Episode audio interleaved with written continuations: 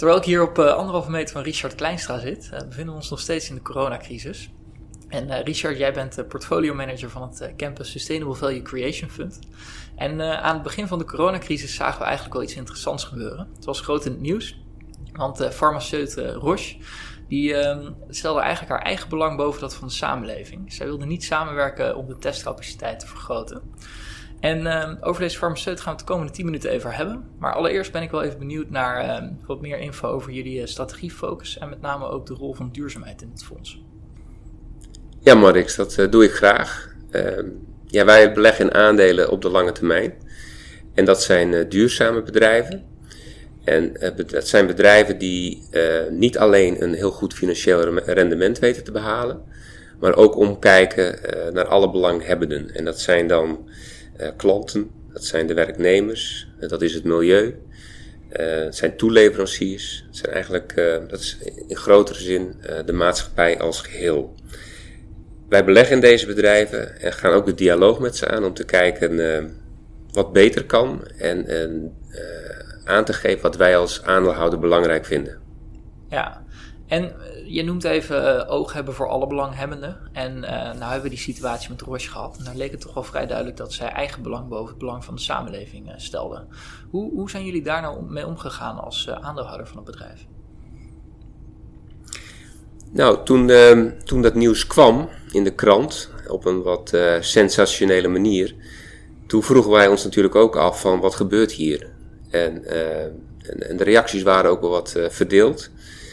Maar vond het belangrijk om eerst met uh, Ros het gesprek aan te gaan. En dat hebben we ook uh, uh, onmiddellijk gedaan. Om te horen hoe de, de vork daadwerkelijk in de steel zat. En het ging erom dat ze niet de receptuur zouden willen prijsgeven. voor het testen op COVID-19. En ehm, nou, dat bleek in de praktijk toch wat genuanceerder te liggen. Het, het was ook niet zo makkelijk om, om het vrij te geven en dan heel snel te kunnen testen. Uh, maar we hebben wel uh, bij ROS aangedrongen op het belang om te kunnen testen en dat financieel gewin in deze situatie even niet voorop stond. nou, het heeft resultaat gehad. Niet alleen onze inspanning, maar, maar veel breder natuurlijk. Maar heel kort erop heeft ROS aangegeven, samen met de Nederlandse overheid, te kijken hoe ze zo snel mogelijk de testcapaciteit konden verhogen. En is de receptuur ook, ook vrijgegeven aan de Nederlandse overheid.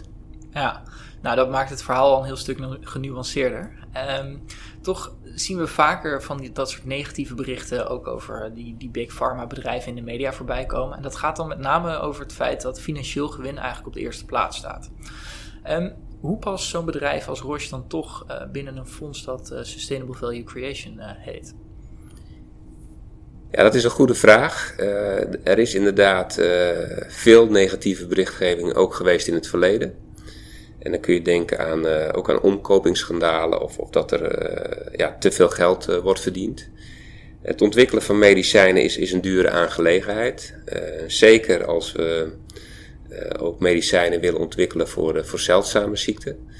maar voor ons is het vooral belangrijk om te kijken hoe een bedrijf ja, omgaat met, met, met bepaalde situaties. En dat kan dan COVID-19 zijn, dan is dat een lakmoestest. Maar het kan ook zijn uh, hoe een bedrijf bijvoorbeeld prijzen, uh, met prijzing uh, van, van medicijnen omgaat. Je ziet sommige farmabedrijven dat ze in één keer een behoorlijke prijsverhoging doorvoeren, omdat ze ja, de enige aanbieder zijn. Nou, dat vinden wij natuurlijk geen, geen goed beleid, dat willen we niet zien. Dus we willen dat, dat een, een een, uh, een farmabedrijf daar op een, op een, verantwoordelijke manier, op een verantwoorde manier mee omgaat. Ja, je noemt een verantwoorde manier eigenlijk. Um, past daarin ook de toegankelijkheid tot medicatie voor ja, eigenlijk iedereen? Ja, dat is heel belangrijk. En uh, wat wij graag zien is dat farmabedrijven programma's opstellen waardoor medicijnen beschikbaar zijn voor mensen in uh, ontwikkelingslanden. Uh, maar ook voor mensen eh, in ontwikkelde landen, maar die onverzekerd zijn. En uh, nou, dat, dat de betere uh, of de duurzamere bedrijven doen dat inderdaad. En dat heeft ook een, een, positieve keerzijde, want als je dat doet in een ontwikkelingsland, dan zal jouw positie in zo'n land ook beter worden. Jouw contacten met de overheid daar. klanten kennen in de toekomst ook beter jouw product. Dus dat is een win-win situatie. Ja, en we zien dan toch nu ook in die COVID-crisis dat ehm, door in dialoog te gaan met zo'n bedrijf uh, je ook invloed kan hebben op het beleid van het bedrijf. Um, we noemen dat uh, een engagement traject. Um, en zijn er dan ook al eerdere engagement trajecten geweest die jullie aangegaan zijn met Roche? Ja, we zijn een paar jaar geleden al een, een, traject gestart met een aantal farmabedrijven. Want het viel ons op dat farmabedrijven nogal eens bij omkoping betrokken zijn geweest. En ehm, nou, daar, daar hebben ze al eh, heel wat beleid voor ontwikkeld om dat in de toekomst niet zo te laten zijn. Maar wij vroegen ons af of het ook te maken had met een vrij agressieve beloningsstructuur voor de, voor de verkopers. En het, ehm, het viel ons op dat vooral in China gewerkt wordt met een beloning op, op basis van drie maanden. Nou, dat is heel erg kort. En ehm, ja, wij vinden dat dat niet uh, positief is voor de relatie tussen de verkoper en, en de dokter en uiteindelijk dan ook de patiënt, die natuurlijk een middel krijgt voorgeschreven. En Ros was bereid daarnaar te luisteren en is projecten gestart in China om wat een langere periode te laten zijn. En uh, de bonus ook niet alleen afhankelijk te laten zijn van uh, verkoopcijfers, maar ook van meer kwalitatieve criteria. Bijvoorbeeld hoe ervaart een dokter een, een verkoper of hoe blij is de patiënt met een middel. Ja, en dat klinkt als een, uh, een goed, goede dialoog die jullie gevoerd hebben. Zijn er ook echt concrete resultaten te noemen? Ja, het concrete resultaat is dat, dat ROS deze projecten gestart is. en dan kunnen we in de toekomst evalueren hoe dat gaat. Uh, we hebben dit gesprek ook met andere farmaceuten gehad en uh, zij zijn nog niet zo ver. Maar we kunnen nu wel het resultaat bij ROS laten zien uh, bij de andere farmaceuten. En dan is ROS een voortrekker op dit punt in de sector en kunnen anderen daarop aanhaken. Ja, en is het engagement traject dan daarmee afgelopen of loopt er nog engagement? Hoe, hoe gaat dat nu in zijn werk? Nou, voor dit punt hebben we het met ROS even geparkeerd. En afhankelijk van, uh, ja, van de voortgang uh, gaan we opnieuw engageren of niet.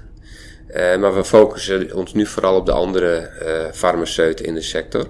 Om te kijken wat daar mogelijk is. Want wat de meeste farmaceuten zullen zeggen, ja, we zijn afhankelijk van een markt. En als in China het gebruikelijk is om het eh, over een periode van drie maanden te doen, dan kunnen wij daar niet van afwijken. Of, want dan bestaat het risico dat wij niet meer de goede verkopers kunnen, kunnen inhuren. Dus het is heel belangrijk om juist met een paar farmaceuten dan tegelijkertijd de stap te maken. En het is dan ook goed om de leiders in een sector te, te pakken, want die hebben veel meer invloed dan de toch wat kleinere spelers. Ja, dus uh, er is nog werk aan de winkel voor de hele sector. En dan uiteindelijk uh, gaat het in zijn geheel de goede kant op. Um, Dank voor je tijd, eh, Richard. Graag gedaan, Marix. En dank u weer voor het luisteren. Mocht u nou vragen hebben over dit engagement traject of over engagement traject in het algemeen, neem dan contact op met uw adviseur.